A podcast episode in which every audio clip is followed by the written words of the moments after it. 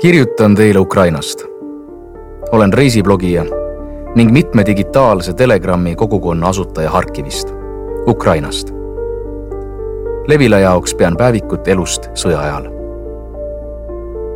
sõja esimene päev, kahekümne neljas veebruar kaks tuhat kakskümmend kaks. sõjaks ei ole sa kunagi valmis. tõsiselt. selleks on võimatu valmis olla lapsepõlvest mäletan laulusõnu Kiievit pommitati, öeldi, sõda on alanud. see kõik käis Natsi-Saksamaa kohta, kes ründas rahumeelseid linnu alatult öövarjus. sel ajal, kui kõik magasid. kas oleks võinud arvata, et Venemaa käitub nii alatult? et nad pommitavad kogu Ukrainat. Lutskist Harkivini. ei sellele paar päeva varem eelnenud Putini kõnet vaatas küllap kogu Ukraina.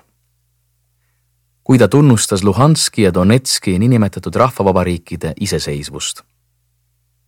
jah, enamik arvas, et lahingutegevus algab just sealt. kuid vähesed uskusid, et algab sõda üle kogu Ukraina. ainult meeleheitel hull oleks võinud arvata, et Venemaa vallandab Ukraina vastu täiemahulise sõja seda kahekümne neljanda veebruari hommikut, kui kell oli vaevalt viis saanud, ei unusta ma kunagi. mulle helistati ja öeldi, algas sõda. kõige veidram on see, et pidasin seda justkui mõistetavaks. jah, see oli halvim stsenaarium, mida oli võimalik ette kujutada. pidasin seda fantaasia piiril olevaks, kuid just see oligi juhtunud sõja esimesel päeval ei hakanud ma isegi kohvrit pakkima. pidasin seda positsioonisõjaks ja arvasin, et raketid ei lenda ju kunagi kesklinna.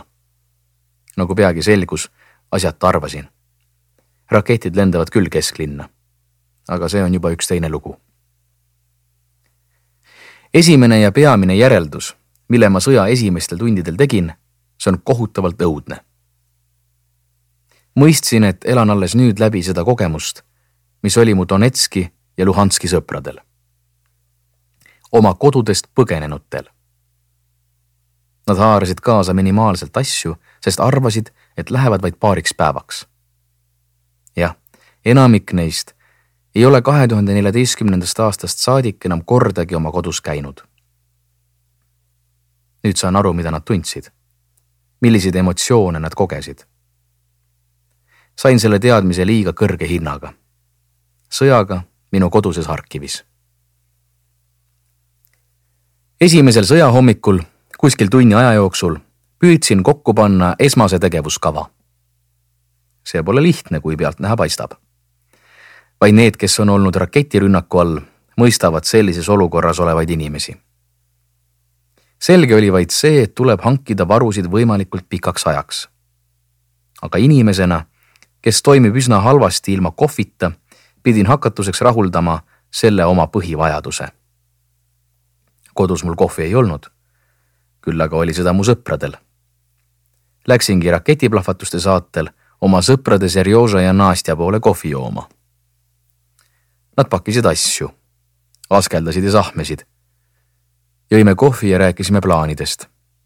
sai selgeks, et kellelgi polnud selget plaani.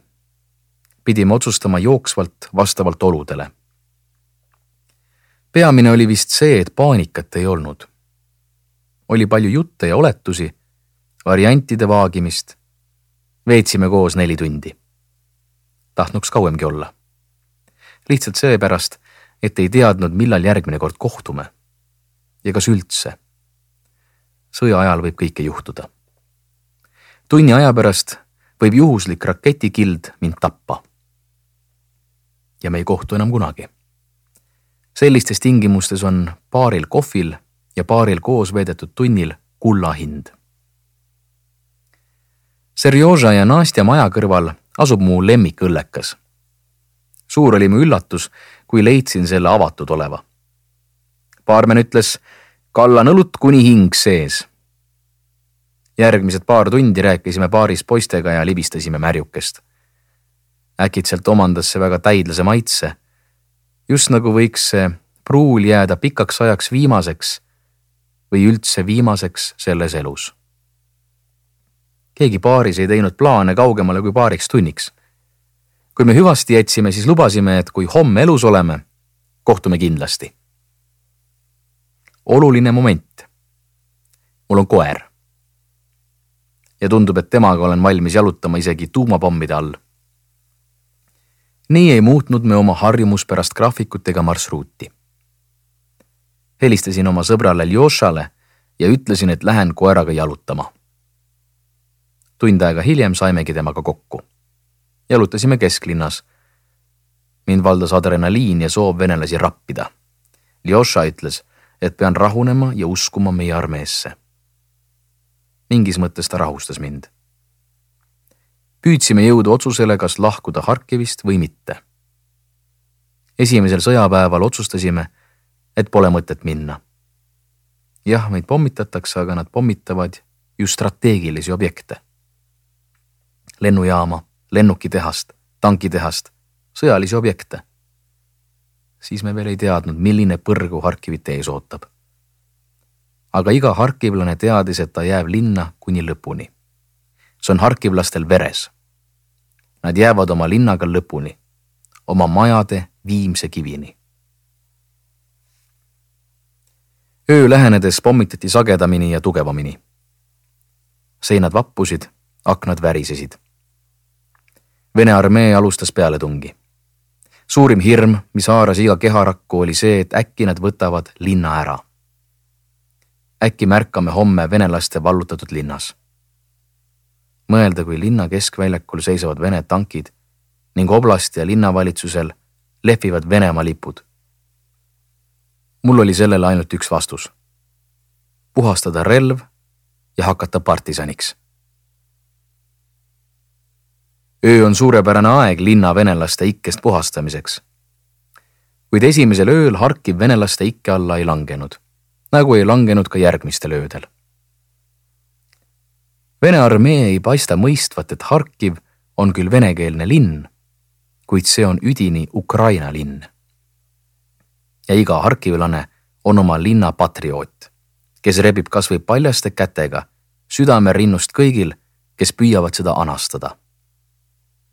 me kanname uhkusega esimese pealinna tiitlit.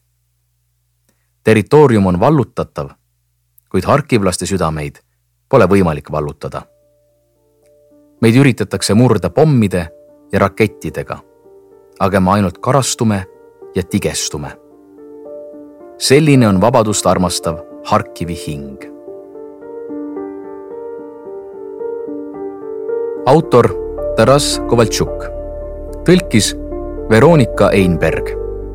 audiolugu luges Karmo Nigula.